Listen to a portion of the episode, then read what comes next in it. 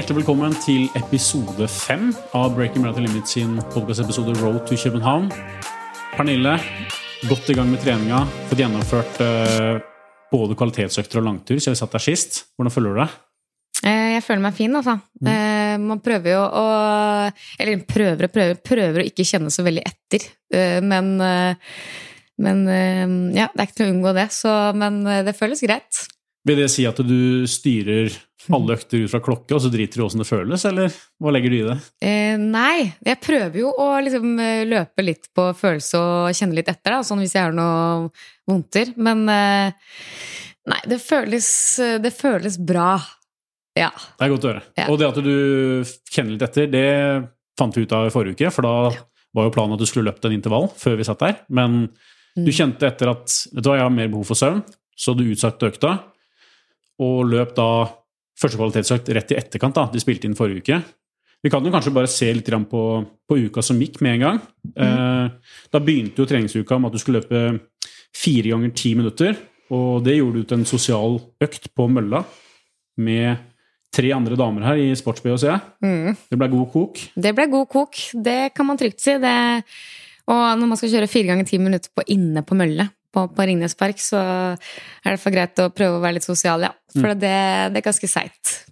Mm. Og eh, løp du da på samme mølla som du løp på tidligere? Ja. Ja. Samme mølle. Det var viktig. Da var det viktig at da var det Og så var det en et par tror jeg, som sto på møllene ved siden av der, og så tenkte jeg at det er akkurat den mølla jeg skal ha, da får vi bare vente litt, da. Og så var det akkurat ferdig, så det passa bra. Og det er jo en ganske lang og seig økt, litt sånn tålmodighetsprøve. da, 40 minutter dragetid på mølle. Hvordan eh, opplevde du det? Eh, Jo, altså Hallo tok jo for det første musikk på øra, da, så, så det, var, det trengte jo ikke å være sosialt gjennom draget, for å si det sånn. Da har vi jo nok med å mm, holde det gående. Men eh, eh, det føltes jo greit. Det, det er jo, ja, som sagt, litt sånn seige, lange drag, men eh, Og da hadde jeg på en måte tenkt ut en fart på forhånd, så jeg, så jeg holdt meg til den farta på alle draga og følte at jeg hadde kontroll på det. Og jeg var ganske sikker på at de to første draga det er litt sånn der, eh, grei skuring eh, på det nivået du er nå. Men de to siste draga sier jo litt mer på en måte om hvordan du er trent muskulært, og hvordan du står i halvmaratonfart over tid. Mm. Så hvordan opplever du, og så Er det forskjell på siste draget og første draget? Eh, jeg føler egentlig ikke det sånn muskulært, men jeg føler det mer sånn for huet sin del. tredje draget der, det, tredje draget føler jeg at alltid er verst, eller i hvert fall på en sånn type økt. Eh, og så løper du siste, så er det sånn, men herregud, nå, nå er vi straks ferdig. Så, men muskulært, så Jo, også. Nei, det er det kanskje faktisk første draget som kanskje er For da må jeg komme litt i gang. Mm. Eh, og så føles det greit på de tre siste. Sånn at jeg da ja, da er man i gang og føler at uh, det flyter greit. Men hadde jeg liksom kanskje løpt på 15,5 da, på mølla der, så mm, hadde det nok vært litt over. Mm. Og da, da begynner man å kjenne på det. Men da noterer vi oss det. Det var et veldig bra initiativ. Du valgte å sove et par timer ekstra, Mm. utsatte økta, og fikk veldig bra kvalitet på det. Så det er stjerne i margen. Treningssmart. Ja. Så kom vi da til tirsdagen, og da var det ukentlig styrkeøkta. Oh, Og det ble gjort. Um, Du sier jo sjøl at du har ikke noen noe gode unnskyldninger for å få gjort det. Og denne uka her så fikk du gjennomført alt, og det virker som du gjennomførte med stil òg, for du var blytung dagen derpå. Å, fytti rakkeren. Ja, det, det er eh, Jeg vet jo at jeg blir eh, Tar jeg i litt, da, på den eh, Nå var det en liten stund siden sist, så tar jeg lite grann på f.eks. knebøyen, som jeg føler meg liksom trygg på, da, egentlig. Så ja, jeg, jeg kjente at det var kanskje litt dumt å holde på sånn som jeg gjorde på den økta der. For da kjente jeg Altså, jeg begynte å kjenne det i bakside lår. Jeg holdt på med på knebøyen, og det, det jo, skjer jo aldri. Så da kjente jeg at nå må vi ta det rolig resten. Men jeg klarte jo å bli ekstremt støl, ja. Og når du da sier at du tar litt ekstra, vil det si at du går ekstra dypt, eller legger du på ekstra vekter? Ja, litt ekstra vekter. Mm. Så nå ble, følte jeg at det ble litt sånn sjokk for kroppen. Selv om jeg liksom eh, Den type styrketrening som å gå i motbakker i Lofoten og sånne ting, det er jo noe annet, føler jeg. Nå ble det veldig sånn, veldig sånn spesifikt, og det Det kjente jeg på kroppen dagen etter, ja. Og to dager etterpå, så det Men du kom deg ut på en eh, rolig joggetur, og du fikk også inkludert noe stigningsløp. da. Det var godt å se. Ja. Hvordan, eh, er- er det da lettere utover? Altså, du har jo seks stigningsløp. Mm. Kanskje tungt å dra i gang det første, og så blir det lettere og lettere, eller? Ja. Mm. Og der er det også liksom Det var jo da Jeg begynte jo med stigningsløpet halvveis i, i økta, og jeg trengte liksom de seks kilometerne for å føle at den stølheten begynte å gå litt ut av beina. Mm. Mm. Veldig bra. Og så kom vi da til torsdagen, og da var det satt opp en fellesøkt med Break Mountain Limits, som det er hver torsdag på Voldsløkka. Eh, mm. Denne gangen var det 10 over 1000 meter. Og som vi ser av din Strava-fil, så, så, ble det løpt fra 3.52 til 3.37. Mm.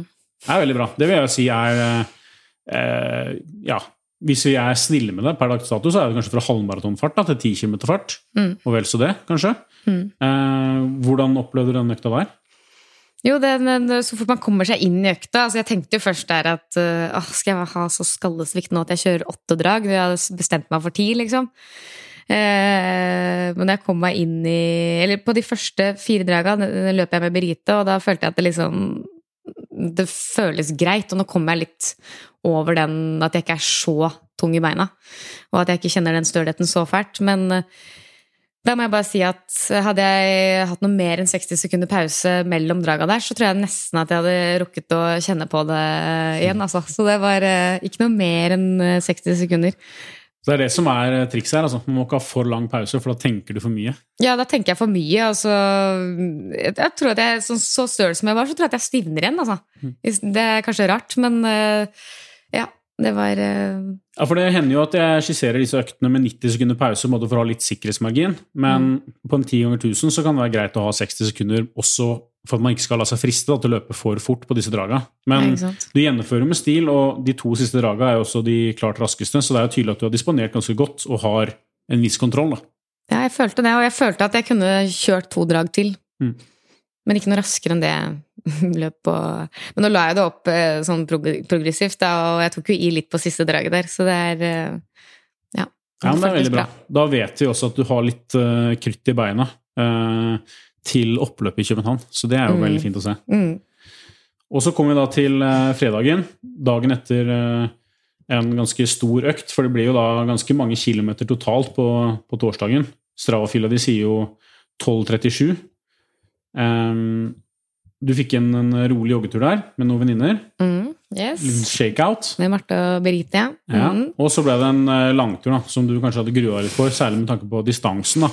Uh, 24 km, og med litt progresjon. Ja. Så tanken var da uh, at du skulle løpe en runde først, helt rolig. Kunne mm. gjerne ha en del høydemetere. Mm. Og så kjøre en litt sånn mer spesifikk del til slutt, der du er innom noe som minner om halvmaratonintensitet. da.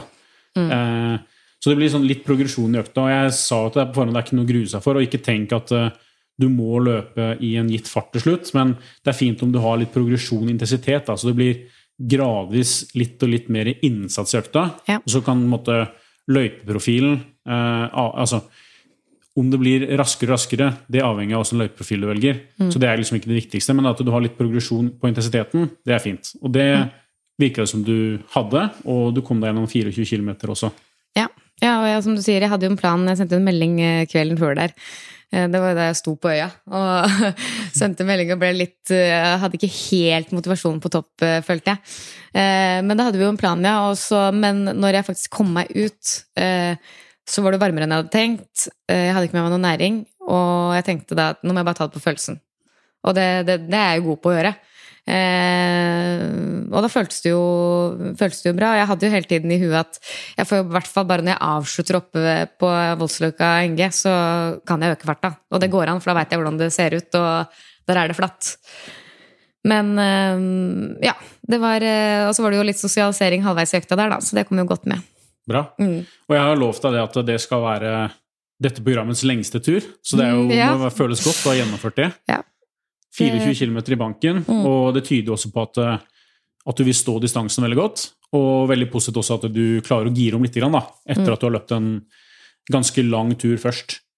Så det, det sier ganske mye. En annen ting jeg biter meg merke er på en måte det her med, med styrketreninga. Og det at mm. du gjennomfører den da på tirsdagen med en rolig onsdag før neste kvalitetsøkt på torsdag. Hva tenker du om timinga der og sånn, og det å, å bli støl? Føler du at det funker greit? Eh, jeg føler at det funker greit, ja, men det er jo som oftest dag nummer to man er litt ekstra sår, da. Mm. Hvis man er støl. Men, eh, men, jeg tenker at det, må jeg, det her må jeg bare vende kroppen til. Og så må jeg tenke at kanskje det blir litt lettere styrke neste gang. Bra. Totalbelastninga, antall kilometer og alt, åssen opplevde du det? Nei, det, det, da er vi faktisk oppe og snuser på 70 km i uka. Det er jo lenge siden sist, men det føles bra. Men sånn som litt tilbake på den langturen på lørdag, eh, da tror jeg det er lett å eh, For jeg følte meg fin liksom når jeg nærma meg 17-18 der. Og da tenkte jeg at ok, hvis jeg liksom jeg følte kanskje at jeg kom til å ødelegge økta hvis jeg bare gønner på og tenkte sånn ok, men nå skal jeg kjøre halvmaraton fire blankfart på siste tre draga. Da kan det være at utfallet hadde vært litt annerledes enn det, uh, enn det det ble, da. Så det, det Alt i alt føles det bra, altså. Men jeg mm, tror jeg burde holde meg der. Og Bra. ikke på så veldig mye mer enn det. Nei. Ja. Da føler jeg vi har strukket strikken litt, grann, Mm. og føler det er et fint tidspunkt du har gjort det på. Det er én måned til halvmaraton. Så vi skal ikke løpe noe lenger nå.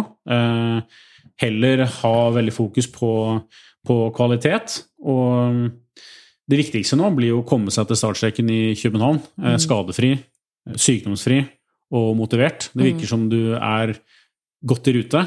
Så min jobb blir nå kanskje heller å bremse deg fremfor å pushe deg veldig. Mm. Men det- eh, hvordan, hvordan føler du det sjøl? Har du trygghet på at det kommer til å gå? Ja, jeg føler at jeg, er, at jeg har kontroll, da. Og at jeg sånn skademessig Nå er det jo veldig mye prat om det. Jeg har jo flere venninner nå som eh, har vondt i legga og, og kjenner litt på det. Og, som jeg sa, var litt inne på i stad, så kjenner man jo litt ekstra etter sjøl. Eh, og det er kanskje litt sånn psykisk, men eh, man er jo redd for å bli skada nå eh, tre-fire uker før start. Men man får bare bruke huet, tenker jeg. Så går nok det bra. Bra. Vi er jo to stykker, minst, som, eh, som har satt eh, oss eh, din målsetning nå. Da. Ditt mål er mitt mål. Så jeg skal sørge for å, å holde deg igjen hvis det trengs, så du kommer deg til startstreken. Mm. Og du nevner jo her på andre venninner som, som også skal ned og løpe. Det er en fin overgang til dagens gjest, som også sitter her og skal være med til København og, og løpe. Vi kan jo dele også mikrofonen med, med deg, Marte Gleditsch. Hjertelig Ja. velkommen til podkasten. Stas at du ville stille.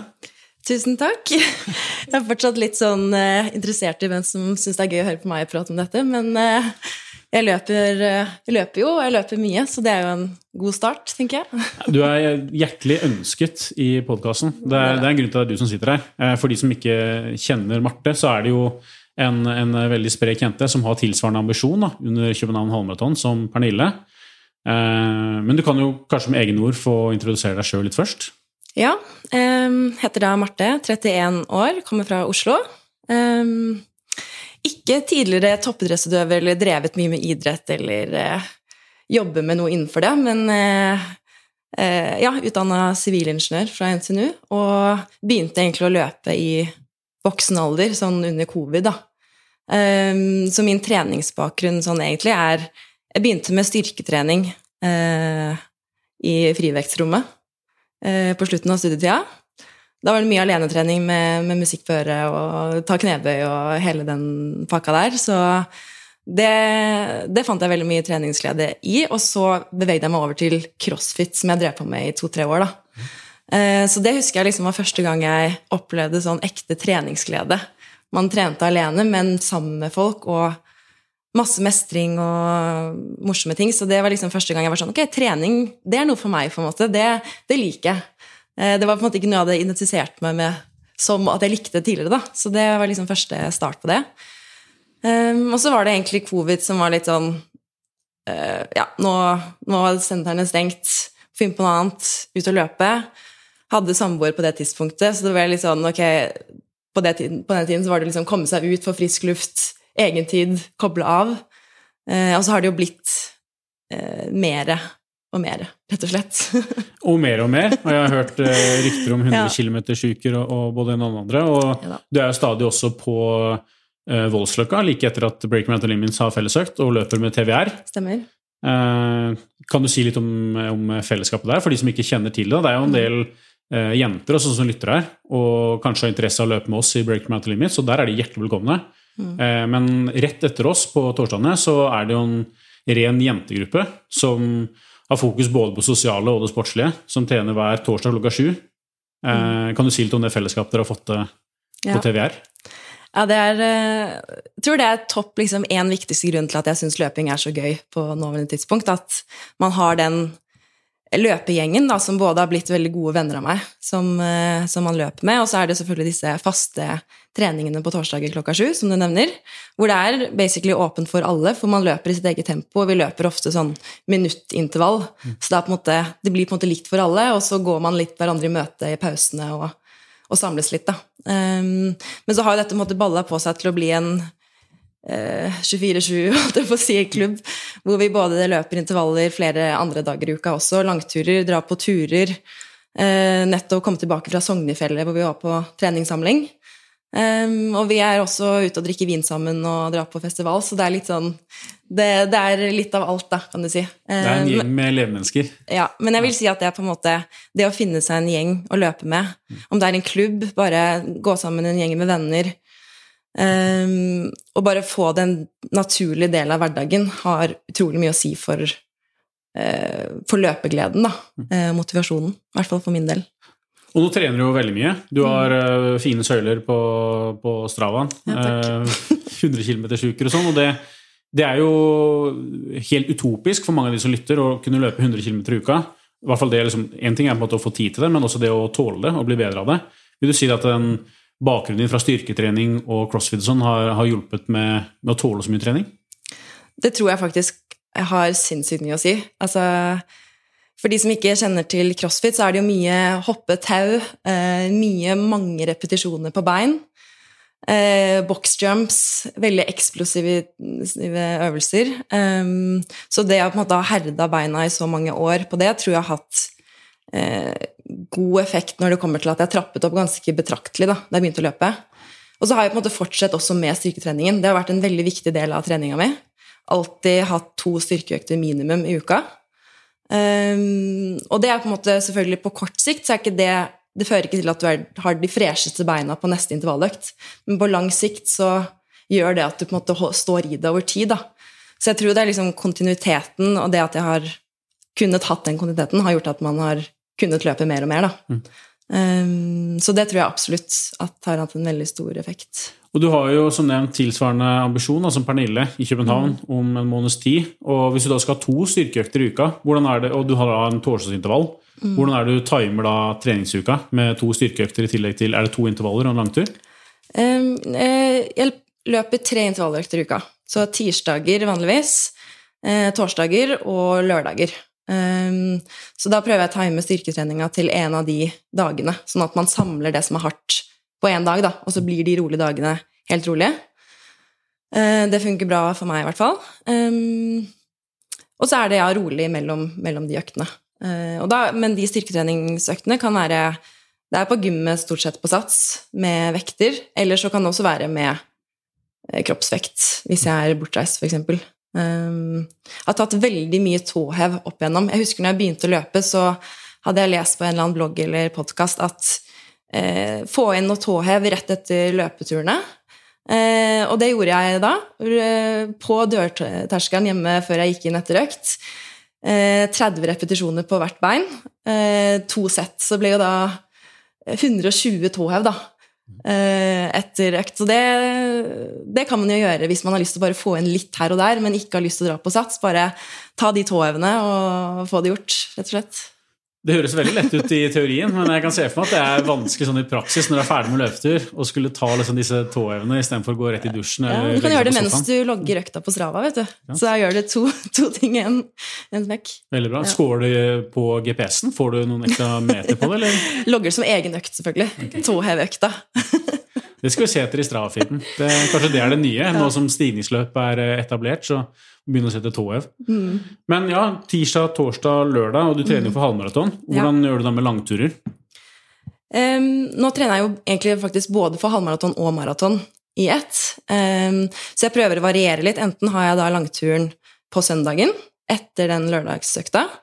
Uh, det kan være alt fra 20 til 30 km bare helt rolig.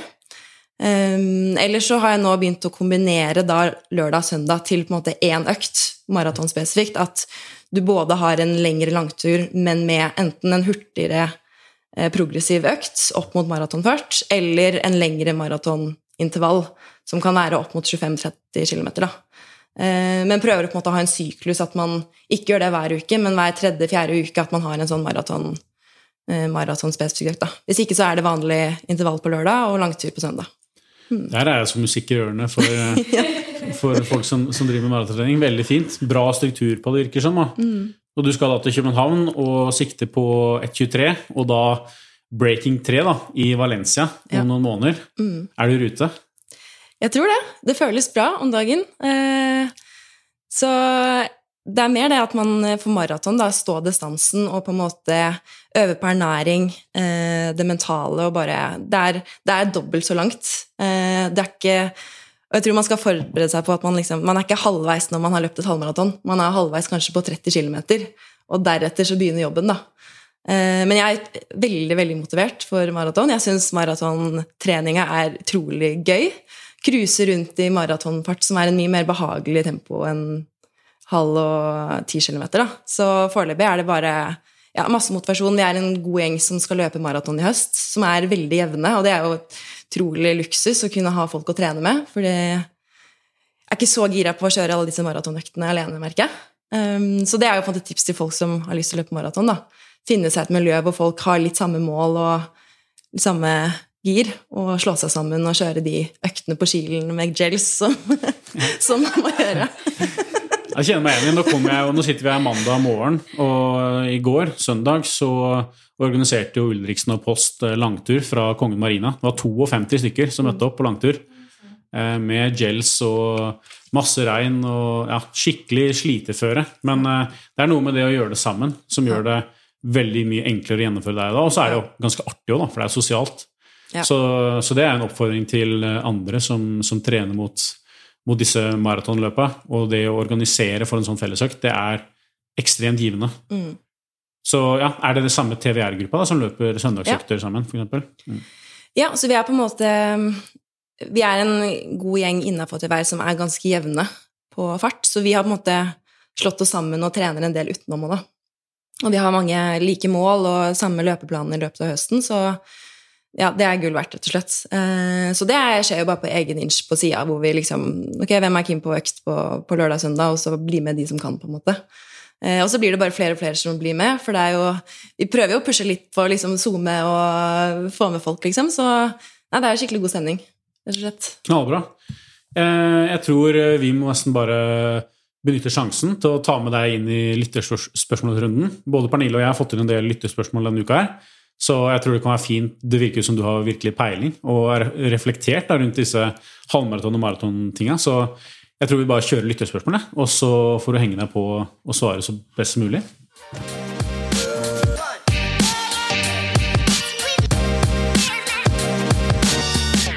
Ja, Vi har fått inn en del spørsmål angående farta di på roligtrening, Pernille. Det er flere som henger seg opp i at eh, når du løper litt raskere enn fem blank, så eh, stusser de på at det er rolig.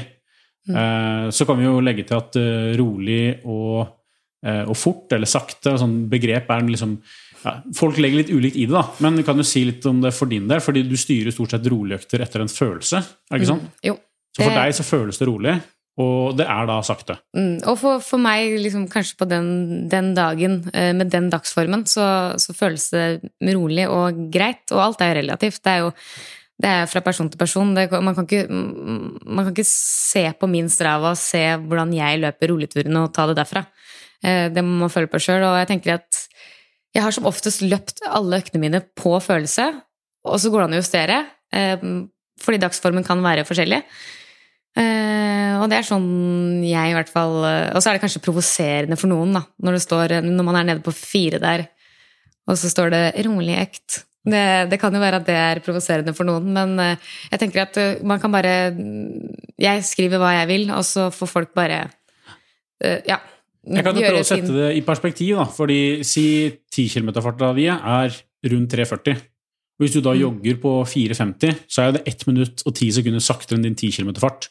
Mm. Så for de som lytter, da, og kanskje har en 10 km-fart på 5 blank, så høres det veldig hurtig ut. Men Mm. da er det jo kanskje rolig for de vil jo lære å løpe litt saktere enn 6 blank. Kanskje 6-10, for å sette i perspektiv. Mm. Så alle sånne begrep må, altså, man må anse det som relative begrep. Og du får ikke eh, Jakob Ingebrigtsen til å jogge saktere enn fire blank. Eh, det har vi kanskje sett i. Team Ingebrigtsen-serien, at eh, fire blank er jo på en måte det roligste de løper. Mens det vil jo være ekstremt hurtig for andre. Så ikke heng dere opp i måte, hva eh, Pernille definerer som sånn og sånn eh, opp mot deg sjøl, men, men ta, ta, det relativt. Og dere to trener jo mot samme mål. ikke sant? Begge to skal løpe noe i nærheten av fire blankfart da, på halvmaraton i København. Eh, men Marte, du trener da litt mer mengde. Eh, Pernille tillater seg da litt mer intensitet. Har du noe sånn bevisst eh, resonnement bak hvordan dere måtte disponere roligøkter og intervalløkter? Ja, altså for min del så Ja, i og med at jeg er over 100 km i uka og også vært oppe på liksom 120, så er eh, de rolige øktene for meg Det skal gå i sone 1. Da, da, løper jeg på puls, ser på klokka, holder meg inne på den grå sonen på Garmin-klokka og bare cruiser litt der. Ofte med folk i snakketempo, så det går gjerne veldig rolig. Så jeg er på en måte average for meg ligger på 5.30 pace på rolig. Um, det skal på en måte, Du skal føle deg fresh etter en rolig økt, og det er kun for å liksom gjøre deg klar til dagen etter, som vanligvis er en intervalløkt. I og med at jeg har tre i uka, så er det jo alltid på en måte nesten bare én rolig økt mellom der. Uh, så jeg merker det sikkert litt mer i beina også enn det Pernille gjør, i og med at hun har flere, løper litt mindre. Så jeg, sånn, jeg føler meg ikke sånn superfresh på de rolige øktene, og da blir nødvendigvis pacen litt eh, lavere, da. Mm. Um, eller høyere, hva sier man? Basen lavere ja, eller høyere? Ja, ja, ja. Jeg lurer alltid på det, ja. Um, det er at vi skjønner hva du mener. Ja, um, så det, men det er jo et måte Enten kan man gå for den mye volum, litt lavere intensitet-approachen, eller liksom litt lavere volum, men kan trykke til litt mer, da. Men ikke begge deler nødvendigvis. Mm. Um, tenker jeg, da. Men det er flere mm. veier til rom her. Ja, det, ja, det, ja, det er bra det du sier der. Ja. Og det viktigste er jo at du føler at det er rolig, Pernille. Og mm. vi ser jo veldig tydelig også da på eh, kvalitetsøktene dagen derpå at mm. du har kommet deg veldig godt fra disse roligøktene. Mm. Så enn så lenge så tror jeg ikke vi skal være bekymra for at det går for fort på de roligøktene. Men det, det, er veldig greit å ha det i bakhuet, at du har litt grann, eh, bevissthet rundt det. Det mm. som kan være litt skummelt er hvis man alltid løper med høy musikk for eksempel, på rulleøktene mm. og blir sånn dratt med litt, og så ser du kanskje ikke hvor fort det har gått før du kommer deg hjem. Nei. Eh, det har liksom bevisst forhold til at det skal gå sakte nok. og mm. Og veldig fint initiativ da for å løpe sammen med andre. Du mm. løper da ofte Marte, i sosiale settinger. Det gjør du også, Pernille. Og det at, at, du kan føre en samtale, er jo et godt tegn på at det går ganske rolig. Mm. Idet du ikke har lyst til å svare på spørsmål, ikke har lyst til å føre en samtale når du løper med andre, så er det gjerne et tegn på at det kanskje går litt for intensivt. da. Mm. Så et annet tips er jo på en måte oppsøke terreng som gjør at farten naturligvis blir lavere. Hvis man har et problem med at man blir dratt med mm. løper litt for fort, da, men ønsker å løpe rolig, så er det å løpe f.eks. i marka på sti der hvor det er litt stigning, for da blir farten naturligvis litt lavere. da. Mm. Um, er jo også en måte å gjøre det på. Ja, så sånn For å konkludere da, med alle de som har stilt spørsmål, så kan vi jo si at uh, Eh, rolig, det er alltid et subjektivt uh, begrep. Da. Og det som er rolig for én, må ikke nødvendigvis være rolig for en annen. Men det er viktig at du måtte kalibrere din egen skala for hva som, eh, for hva som er rolig. Og er du en, eh, er du en 340-løper, eh, altså dvs. Si at du kan løpe eh, i nærheten av 37 minutter kanskje da, på, på en 10 km, så er det ganske rolig å jogge 4,50 fart. Mens hvis du har ambisjoner om å løpe halvmaraton på, på, to timer, så er det jo helt utopisk å løpe i den farta i det hele tatt. ikke sant? Mm. Så. Rolig og, eh, og, og, hurtig og sånn, det er begrep man må, må utvikle sjøl. Og enn så lenge så vil jeg si at du, du jogger rolig når du jogger rolig, Pernille. Ja, og uten at det jeg, jeg, Igjen så tenker jeg ikke så mye på den pacen. Det er bare lukk øya litt der, og så får man bare som sagt, løpe på følelse og, og ta litt dag for dag. Og så, jeg har økter på 5.30 og 6 fart, og det er jo superfint, uh, liksom. Så det er bare å ikke henge dere så mye opp i det. Bare følg dere fram. Bra. Mm. Jeg har jo fått inn et uh, relatert spørsmål til dette da, fra en uh, fyr som jeg følger av, som heter Runar. Og han uh, lurer på dette med følelsen. Han har jo veldig stor fascinasjon. Han er fagperson på dette med det mentale. Og også veldig fascinasjon for dette med hvordan man styrer økter på intensitet, på følelse. Mm. Um, ja, han sier det er mye snakk om det å løpe på følelse, men det er ofte fra erfarne løpere med mange år på, banken, på baken. Samtidig er det jo et utfall utøvere som går i vifta. Um, så det er ikke bare å finne denne følelsen. Vi hører jo også at triatlonmiljøet i Bergen har regelmessig kalibrering av følelsen gjennom diverse tester. kunne dere prata litt om forskjellige strategier for å finne følelsen, eller kalibrere den? Eventuelt hvordan dere opplever de forskjellige tempoene. Og sånn som jeg eh, vil anbefale de fleste som velger å styre treninga ut fra subjektiv erfaring, er at du må kalibrere din egen skala. Sånn, hvis du opererer med en skala fra 1 til 10, så kan det jo være ulikt hva eh, jeg legger i 7, fra hva du legger i 7, Pernille. Mm. Du kan jo kanskje oppleve det å ta i 7 er veldig moderat, veldig, du er veldig komfortabel med det, mens jeg føler at mm. jeg pusher veldig bra når jeg ligger på en 7. Så mm. det viktigste er at man finner sin egen på en måte, følelse av de ulike intensitetssonene, og, og, og, jobber derfra. Jeg vet ikke, Har dere noe tillegg på det, eller?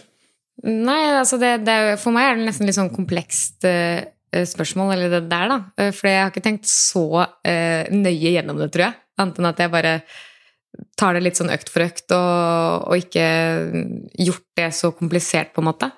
Men du har kanskje Ja, altså tenker um, Å vite hva makspulsen sin er, og litt sånn hvor terskelfarten sin er, er jo en god start for å vite litt sånn hvor man skal ligge, da, og hvilken følelse som er knytta til hver sone, på en måte.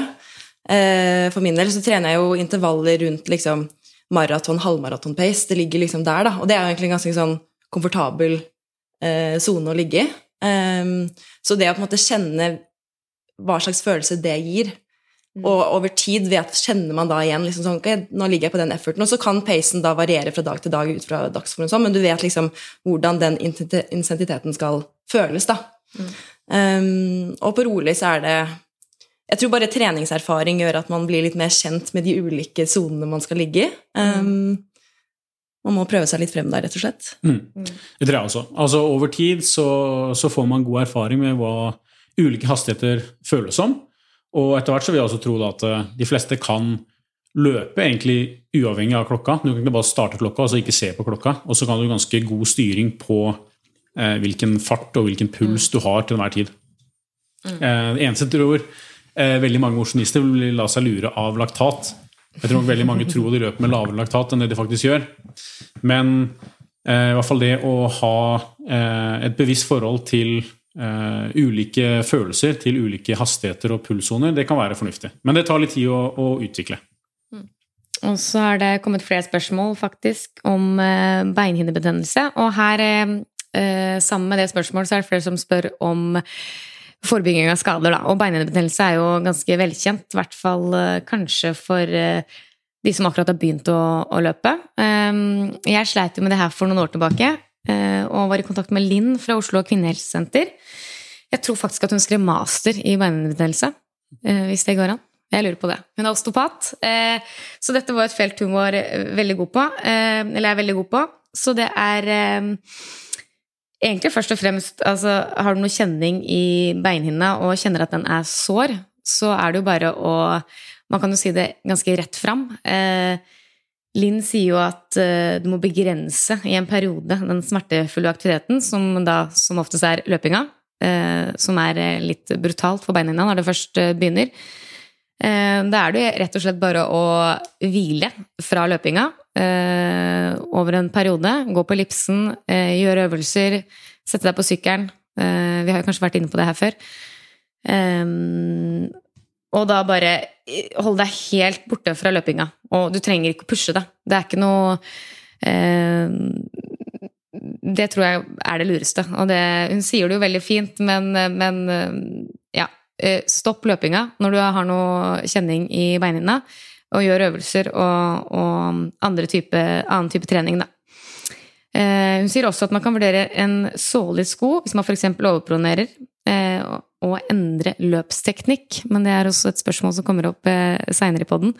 Eh, men løpsteknikk som er mindre belastende, det er jo litt mer komplekst, kanskje, da, når du skal gå opp på det. Men jeg tenker at eh, eh, forskjellige øvelser på, på legger og ankler, eh, tøye fremside og bakside legg, og, og tåhev, som Marte snakka om i stad, som eh, nå har blitt veldig populært å drive med. Så det er det, bare det er egentlig bare å ta altså gjøre det forebyggende, egentlig. Ta tåhev kanskje eh, flere ganger daglig òg, eh, før det oppstår. Så er du forberedt. Eh, og generell styrketrening på bein, da. Og kanskje gjerne litt tyngre styrketrening også, med vekter. Eh, ja, det er vel egentlig eh, Ja, og så kan du ha, få behandling og massasje da, på innside- og utsidelegg. Det er, eh, det er i hvert fall rådene fra, fra Linn. Så det er bare å mm, passe litt på og stopp mens leken er god. Og så kan du gradvis begynne å løpe igjen etter hvert. Så sånn oppsummert, avlast der det gjør vondt, så, så unngå trening. Styrk opp muskulatur i legger og rundt. Og så får jeg tillegg også da oppsøke en fagperson, ja. så du får en evaluering av status quo, og ikke minst gode forebyggende øvelser. Da. Så du liksom fortsetter å trene på riktig vis, at du ikke gjør noe feil, sånn at du bare utsetter et problem eller forverrer. Mm. Mm. Så jeg har fått inn et uh, spørsmål fra en, uh, en, god venn og en fyr jeg sparer litt trening med, som heter Christian Wold. Og han beit seg merke i forrige episode av podkasten at vi snakka litt uh, negativt om Nikes Alphafly. Eh, og han mener at eh, vi kanskje gjør lytterne en stor bjørnetjeneste eh, da de Nei, da spesielt de som er litt opptatt, nei, opp i årene. Da. For um, Christian, han er på, på, Jeg skal si han er litt over 40, og også snurra 50. Og selv om han har bevart barnet i seg og er grusomt sprek og løper maraton, så har han også etter hvert også bikka 60. Så for Christian så er det avgjørende å ha gode sko. Um, og um, han er veldig glad i disse alfa, Alphafly og uh, mener at de er ekstremt skånsomme mot beina. Restitusjonstiden etter en langtur med Alphafly er langt kortere enn med noen annen sko som jeg har løpt med. Og det var absolutt ikke hensikten å snakke ned Alphafly i forrige episode. Selv så har jeg jo brukt Alphafly til uh, ja, jeg kan Det har vel vært de siste fem maratona har jeg løpt med, med Alphafly, og jeg er kjempefornøyd med de. De har jo en sånn pute foran tåballen, som tar av veldig mye for støt. Det er også en ganske lett sko. Og ja, jeg tror det passer veldig godt for de aller, aller fleste på maratondistansen. Eh, grunnen til at vi eh, Om vi var litt kritiske i forrige episode, så var det at det, eh, kanskje ikke skoen passer veldig godt til din fot, Pernille. Mm. Så en, en, annen overdel passer bedre til din fot. Eh, så det er jo også et viktig element med en god maratonsko, er jo komfort. Og det at du er komfortabel i en sko. Og for din del da, så passer det bedre med har du funnet ut, da. Eh, Saucony mm. Endorphin Elite. Yes. Mm. Og så er det jo, altså var det ikke Nei, vi skulle ikke være så negative til Alphafly. Det var bare at uh, egentlig kanskje for å, å uh, hjelpe kanskje nye løpere, da, med at uh, det er greit å bare prøve seg litt frem, og det fins mye bra på markedet. ikke bare Alphafly. Men mm. så klart, det er en kjempesko, og Eh, altså De fleste har jo vært innom den skoen eh, og er kjempefornøyde. Så det er, eh, det er, bare at den sitter ikke så godt på min fot. Så det, mm. mm man må bare prøve seg litt frem, og så finner man de merkene og modellene man, eh, som passer for sin fot. Ja, og det er et veldig godt poeng. Jeg tror de fleste som blir introdusert til løpinga nå, de blir tredd på en Nike Alphafly eller Vaporfly, for de har sett at dette er sko de beste løperne bruker, eller som har skåret veldig godt i sånne tester som er gjort på energieffektivitet. Og da kan man gå kanskje litt sånn i, i, fellen, som kanskje mange gjorde også tidligere, at man gikk inn i en sportsbutikk. Hvilken løpesko er dyrest? Og da var jo det ofte en Asics Kayano, eh, som eh, Ikke noe vondt om den skoen, men eh, det er kanskje ikke den skoen du får best løpsfølelse i. Det er en ganske tung sko, den er ganske klumpete og stiv. Eh, bra, bra, demping og, og stabilitet, men det fins veldig mange andre sko på markedet som kanskje passer bedre for hver enkelt. Og sånn som i går, på, eh, på langturløp med, med Jan og Christian, så valgte jeg ikke en supersko, men jeg valgte en sko eh, der jeg så det var regn, og vi skulle løpe i over to timer. Så da tenkte jeg komfort i forsetet. Så da, da blei det faktisk Sokny Kinvara Pro, nye skoen, mm. eh, som er litt romsligere. Eh, litt tyngre, men skåner beina godt. og jeg tok det jo boxfresh og løp 35 km og hadde mm. fantastisk bra følelse i hele foten gjennom hele økta. Ikke mm. en eneste vondte. Og selv om jeg hadde løpt med min foretrukne racingsko, så det var Alphaline, som jeg planlegger å løpe kanskje neste maraton i, så hadde jeg bedre komfort nå. Så på trening så kan det også være sånn en ting å, å, henge seg opp i. at man, man, ikke bare velger sko som skal gi deg liksom best mulig kilometersplitt på hver enkelt økt, men også tenke litt på komfort. Mm. Eh, for det er jo først og fremst trening og ikke konkurranse. Ikke men uansett, også på, på, konkurranse, finn en sko som du er komfortabel med, og som gir deg bra, bra komfort. Og Vi kan ta litt mer, for det er også en del som hang seg opp i dette med, med løpesko. Jeg nevnte jo ganske mye sånn tips til ulike sko, eh, men kanskje sa ikke noe spesielt om hvilke type sko til hvilke type økter. Jeg kan dere nevne litt sånn, Vi har jo nå skissert opp noen treningsuker, og det er ganske sånn definert en rolig joggetur, en klassisk terskeløkt som kanskje kan være 1000 meter, og en hurtig langtur da, som blir liksom ganske sånn konkurransespesifikk halvmaraton og helmaraton. Kan dere nevne noen sko dere bruker til disse tre typer økter? Mm, ja, så jeg kan begynne, jeg, da. Jeg brukte, i hvert fall altså den uka her, så brukte jeg på roligøktene. Eh, og for så vidt, eller den roligøkta 12 km og den langturen på, på lørdagen, så brukte jeg Nike sin eh, Invincible Run 3. Eh, jeg har testa toeren tidligere, og den tre syns jeg er supergod på foten. Og, og gir meg litt mer enn kanskje toeren. Og og den passer bra på å sitte godt på min fot. Eh, alt, det føles komfortabelt eh, under hele økta. På intervallen på torsdag så brukte jeg Sokoni sin Endorphin Pro 3, som også er en supersko. Det er snert i frasparket, og den føles rask og god, men samtidig komfortabel. Så ingen vondter under øktene der. Hva er dine favoritter, Marte? Um, ja, jeg har noen favoritter nå som jeg bruker en del. Uh, en sko som heter fra New Balance, Supercomp Trainer versjon 2. Det føler jeg er en sko som du kan bruke til alt. Så det er som hvis du skal på ferie og vet at du både skal løpe litt raskt og litt sakte, så tar du med deg de. Uh, så de løper jeg altfor de, de rolige turene som Eh, hvor man har lyst på litt eh, skåne beina litt. Men også intervalløkter funker den super til, spesielt på asfalt. Da. Eh, hvis, hvis, det er bare helt rolig jogg, så er jeg veldig fan av On sine sko, Cloud Monster. De er veldig gode, godt dempa og sitter godt på min fot, i hvert fall. Um, intervaller, eh, der varierer jeg litt, men Vaporfly, hvis jeg er på bane, føler jeg man får bra kontakt med underlaget og litt sånn ja, litt fart i beina. Um, hvis ikke så har jeg også et par Alphafly som jeg egentlig kun bruker i konkurranse for å spare skoa litt. Men sist jeg løp med de, så fikk jeg så sinnssyke vannblemmer under føttene, så jeg må på en måte løpe de litt inn.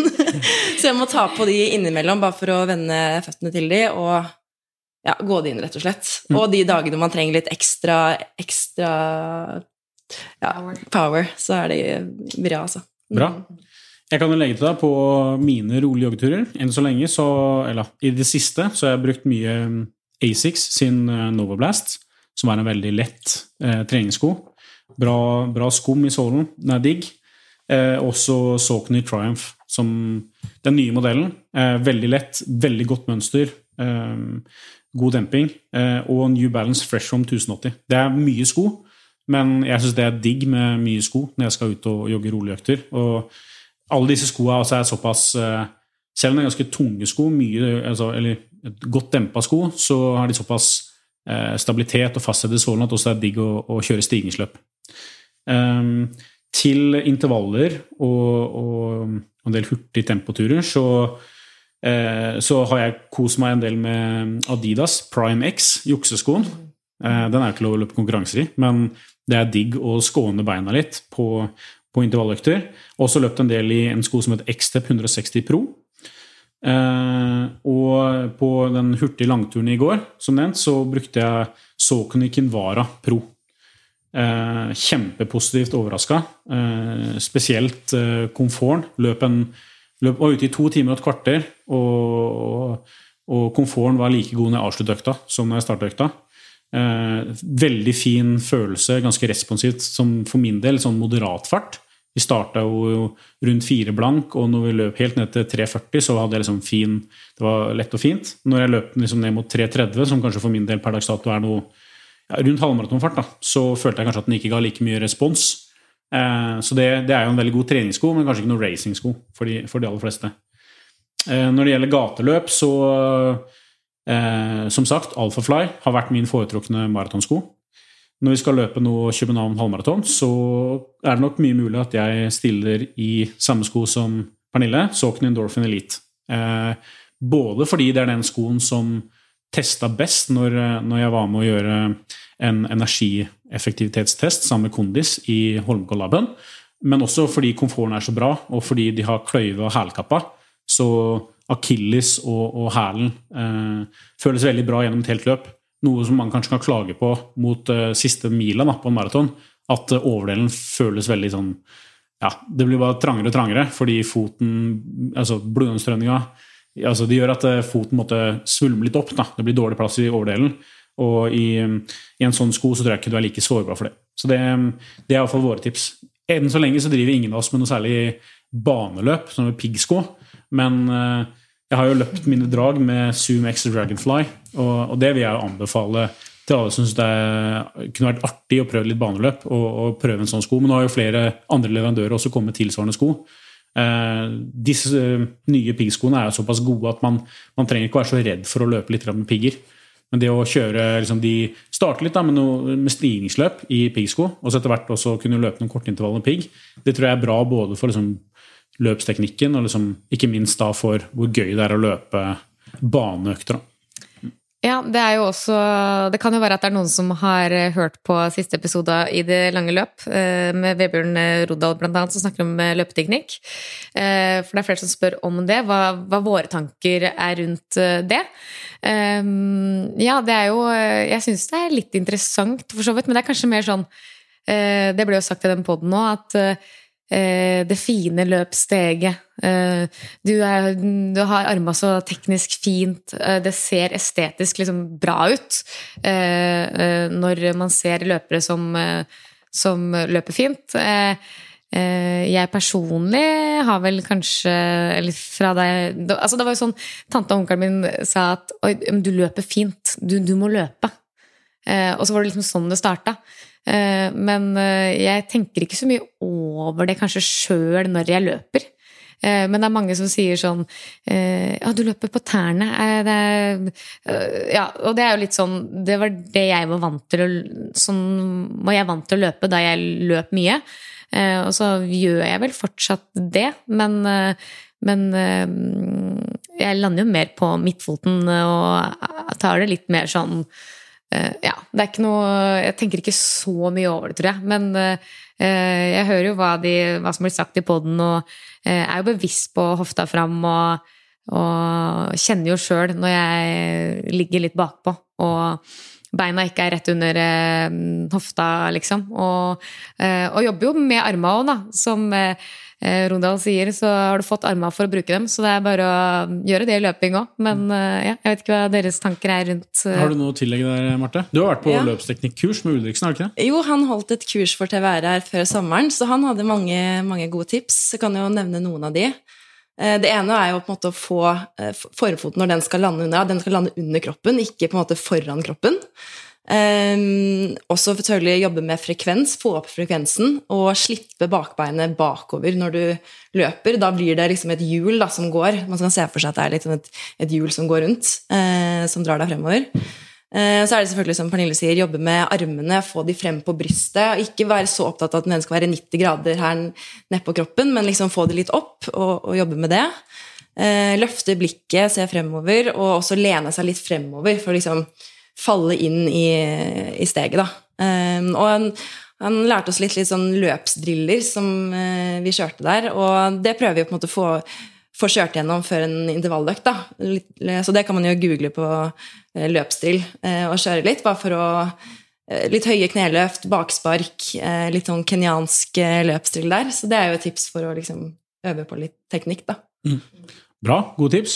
Jeg kan tillegge noe. Altså, jeg syns jo ganske mange mikse begrepene som løpsteknikk og løpsøkonomi. Og det viktigste er vel kanskje at det er effektivt, at du bruker lite energi når du løper. Ikke nødvendigvis at det ser så veldig flott ut. Det kan godt hende at det er noe som syns det er viktigere, det, altså. Jeg har vært instruktør på, på treningssenter, og da, da, kan du jo se med det blotte øyet hva som måtte, ser effektivt ut. Og så kan du jo gå rundt i salen og faktisk se på tredemøllene uh, hva som faktisk går fortest. Og det er ikke nødvendigvis uh, veldig relatert alltid. Og, og, det er det noe forskning også som viser. Eh, veldig godt, altså veldig anerkjente trenere som blir eh, bedt om å analysere løpssteg hos ulike toppløpere. Og som bare i 50% av tilfellene kan måtte, si hva som er mest eh, effektivt. Og det vil jo måtte, si bare altså, på tilfeldigheten. Så det er, ganske, det er ganske vanskelig å spotte også for et godt trent øye hva som er mest effektivt. Så sånn, I bunn og grunn så tror jeg de fleste, bare du løper mye, så vil du utvikle din særegne løpsteknikk. og bli veldig økonomisk med det. da. Så løper du mange kilometer, så blir det også mer løpsøkonomisk. Og jeg har blitt fraløpt i storbymaraton av folk som løper veldig flott og fint, og de aller fleste av de beste løper veldig flott og fint. Det er jo estetisk nytelse å se Kipchoge løpe mm. eh, verdensrekord. Men jeg har også blitt fraløpt av folk som ser ut som de hadde kromosom for mye. Og mm. som jeg ikke kunne tenkt meg skulle løpe så fort som de gjør. Men det går søren meg unna likevel. Stor mm. motor, mm. Mm. og selv om det kanskje ikke ser så vakkert ut, så er det veldig økonomisk, akkurat sånn som de løper. Ja. Så ikke heng dere altfor mye opp i hvordan det ser ut, men løp mye eh, over tid, så blir det nok også mer økonomisk og får din løpsteknikk videreutvikla. Ja, og så blir det vel mm, ganske knotete hvis du liksom Hvis du er en ny løper, og så skal du gjøre om på alt. Du egentlig Du må bare prøve deg litt fram sjøl, som du sier, og finne din eh, stil. Mm. Og, så, og, så, løper du så. Altså, det er jo samme som at uh, når noen vil uh, løpe på framfot, Eh, på tå, liksom, så eh, kan det være belastende for leggen også, når du skal begynne å ja, men 'Jeg vil løpe sånn. Jeg vil at det skal se sånn ut.' Når du egentlig løper kanskje økonomisk eh, mer rett en annen, altså en annen type stil, da. Eller, ja. Så det er, jeg tror ikke man skal Igjen, man henger seg mye opp i hvordan andre ser ut, og hva man, hva man har lyst til hele tiden, og tenker at det er helt riktig, men ja. Et tips kan jo være å prøve å filme seg selv på mølla, f.eks. For, eksempel, ja. for å se litt mm. hvordan det, det, ser ut. For det er jo litt mm. sånn Ofte når man løper intervall, så føler man seg som Kipchoge når man løper. Ja. Og så ser man på videoen etterpå sånn Nei, det var ikke helt sånn det så Snakk for deg sjøl. Det har jeg aldri følt meg. Så,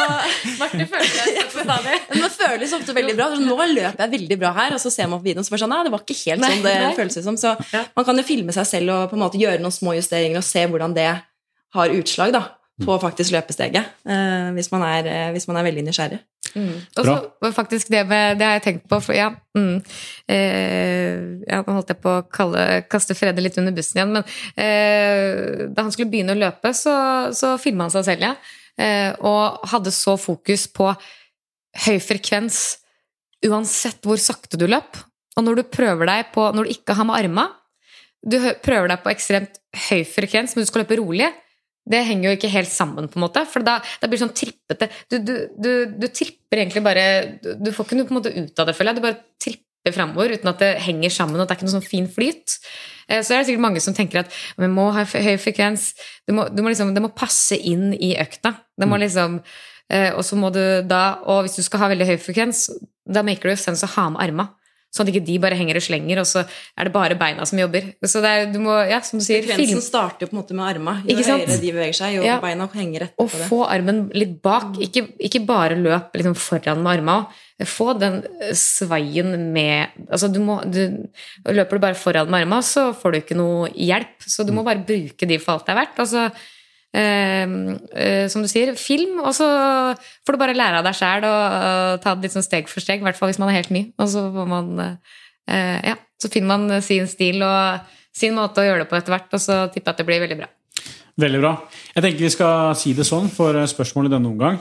vi kan avslutte spørsmålsrunden med en liten kunngjøring. Vi kan ta mer om det i neste episode, men Eh, torsdag 7.9 så kommer Breaking Mountain Limits til å teame opp med Barnekreftforeninga og ha et event på Voldsløkka, der vi løper eh, og um, har en vanlig torsdagsintervall, men eh, bruker anledningen til å samle inn penger til Barnekreftforeninga.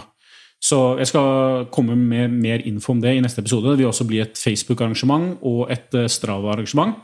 Men i bunn og grunn så, så løper vi bare torsdagsintervallen med Break Mountain Limits. Kommer til å legge opp en ganske sånn standardisert økt eh, med en liten vri, der man eh, løper kanskje et segment på Voldsløkka så fort som mulig. Det vil bli fine premier til eh, de raskeste kvinne og raskeste mann, men også en del uttrekkspremier for alle som er med på arrangementet. I fjor så fikk vi så mye fine uttrekkspremier fra ulike sportsbutikker og leverandører her i Oslo at nesten alle som var med på økta, fikk et eller annet.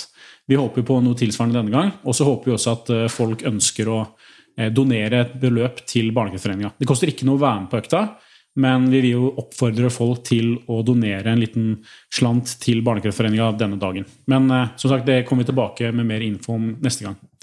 Jeg tenker Vi sier det sånn nå. Det er jo, Vi sitter her på mandag. Tida går, og dere skal jo ut og løpe sammen i dag, faktisk. Første økta. Så kan jo, vi kan hoppe over til denne ukens treningsplan. Eh, for det er ganske mye som vi skal gjennom denne uka også.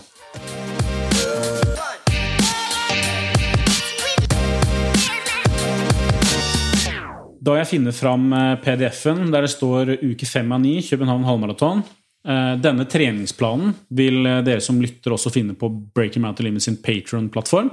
Der ligger også Pernilles treningsplan for de foregående ukene ute. Så om dere forbereder dere sjøl til København eller en annen halvmaraton i løpet av høsten, så kan dere jo se litt på Pernilles treningsplan og justere litt etter eget ambisjonsnivå og, og hverdag.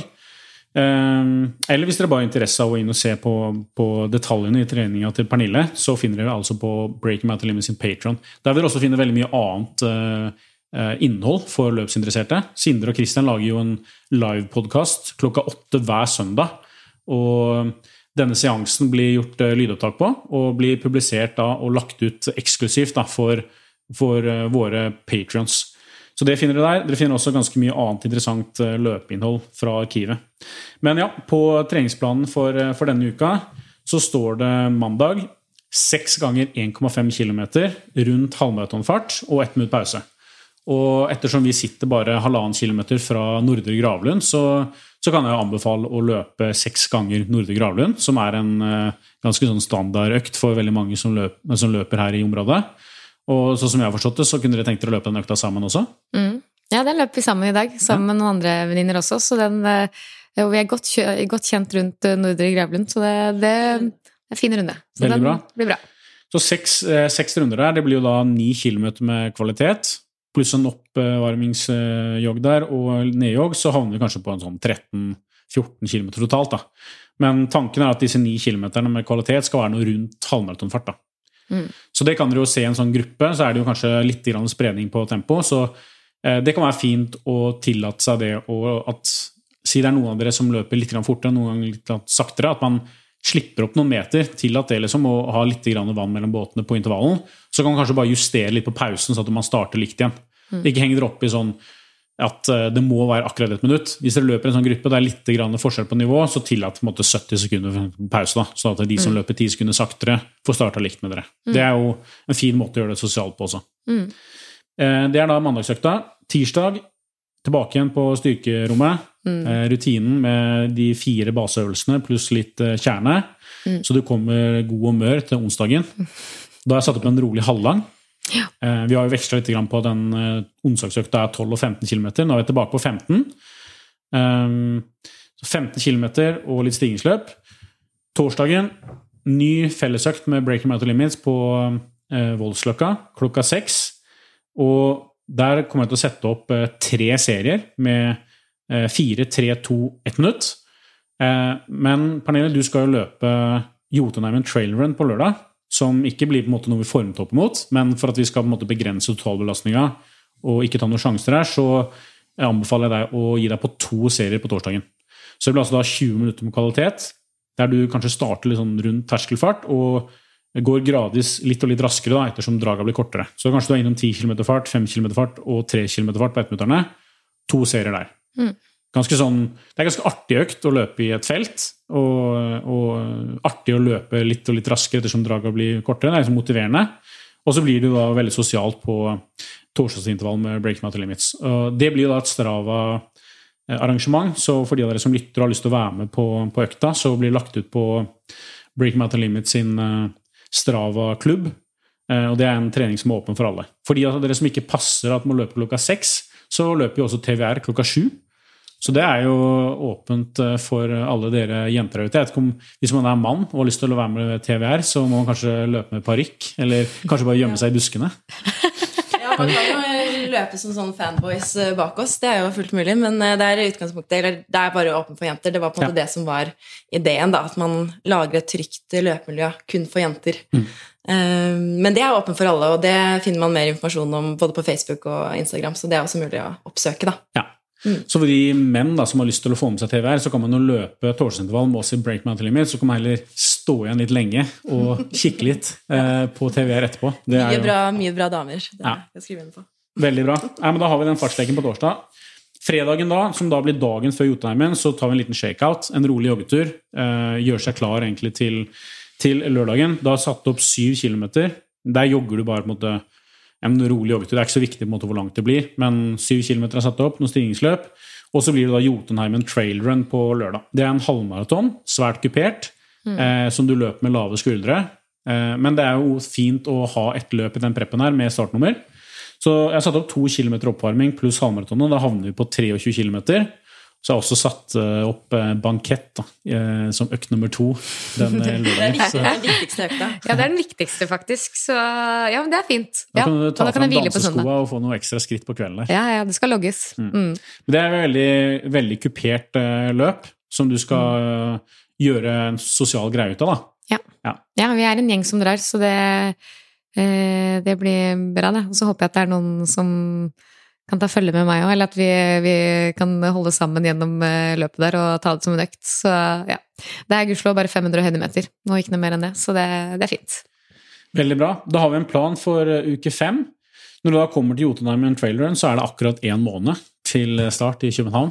Så det gjelder å komme seg gjennom der på, på et vettugt vis. Og så blir det jo spennende å se når vi sitter her tidlig neste uke, hvordan du har opplevd treningsuka. Er det noe du ser virkelig fram til, noe du gruer deg til, noe du er usikker på? Eh, Ja, det blir jo fort uh, at man gruer seg litt til løpet når man skal ha på seg startnummer, da. Så det Ja, men når man eh, har litt lave skuldre og um, har liksom i bakhodet at man bare skal ta det litt som en økt og ja, ha lave skuldre under eh, det løpet, så mm, er det lettere å liksom se litt frem imot det, da. Og ikke grue seg så fælt. Og jeg vil si Det er ganske positivt at du faktisk, eh, om ikke gruer deg, men er litt sånn spent på det løpet. Da kan det være en veldig fin anledning til å øve på sånne rutiner som du tenker å ha i forkant av København også. Med frokost, kanskje litt ernæring underveis, som du øver deg til å ta noen jails. Bare sånn eh, erfaring med å løpe med startnummer i sånn felt og sånn. Det, det er fint å ha gjort da fire uker i forveien av København, så du har en erfaring med det og kan eh, lære litt av det. Kanskje det er noen ting som går veldig bra under Jotunheimen Trail Run, som du ønsker å gjenskape. Og de tinga som kanskje ikke går veldig bra, så er det eh, fint at du har fire uker på deg til å på en måte eh, gjøre deg opp noen erfaringer, da, og, og kanskje justere på det litt inn mot København. Så ja, løp med lave skuldre, men angrip det gjerne liksom som et uh, løp, og, Ja. og tenk at det her er veldig god læring. Ja. Så, så er det ikke akkurat uh, asfalt jeg skal løpe på heller, så det, det er mer skånsomt for beina. sånn sett. Så det Ja, plutselig så går jeg all out. Vi får se når det nærmer seg. Ja, men Det er supert. Nå har vi sittet her og prata lenge. Uh, vi får komme oss ut i, i løpeskoa, ta fatt på ny treningsuke. Dere får ha lykke til med første kvalitetsøkt. Skal spare på seks ganger Nordre Gravlund, eller seks ganger 1,5 km for de av dere som ønsker å løpe et annet sted. Mandag ettermiddag. Lykke til med treningsuke, og tusen hjertelig takk for at du tok deg tid til å være med, Marte. Det var veldig Det var inspirerende. Og så gleder vi oss til å se åssen det går med deg også i København. Ja, takk. Det blir spennende å se. Bare fem uker nå, så får jeg jobbe på. Det, det blir et eh, ja, sterkt felt på startstreken i København. Sjekka, så det, det kan vi skrive under på. Yes. Jeg skjønner det er et sterkt felt på startstreken, der, men jeg har også hørt rykter om at det er et sterkt felt på banketten. Ja, Det er enda sterkere, vil jeg si. Det, der skal det i hvert fall vinnes i år. Ja, jeg har hørt at du har en finger med i spillet der òg, så ja, det ser vi veldig fram til. Ja. Vi sier det sånn. Vi ler bare av det. Takk for, eh, takk for denne episoden, og høres igjen om en uke.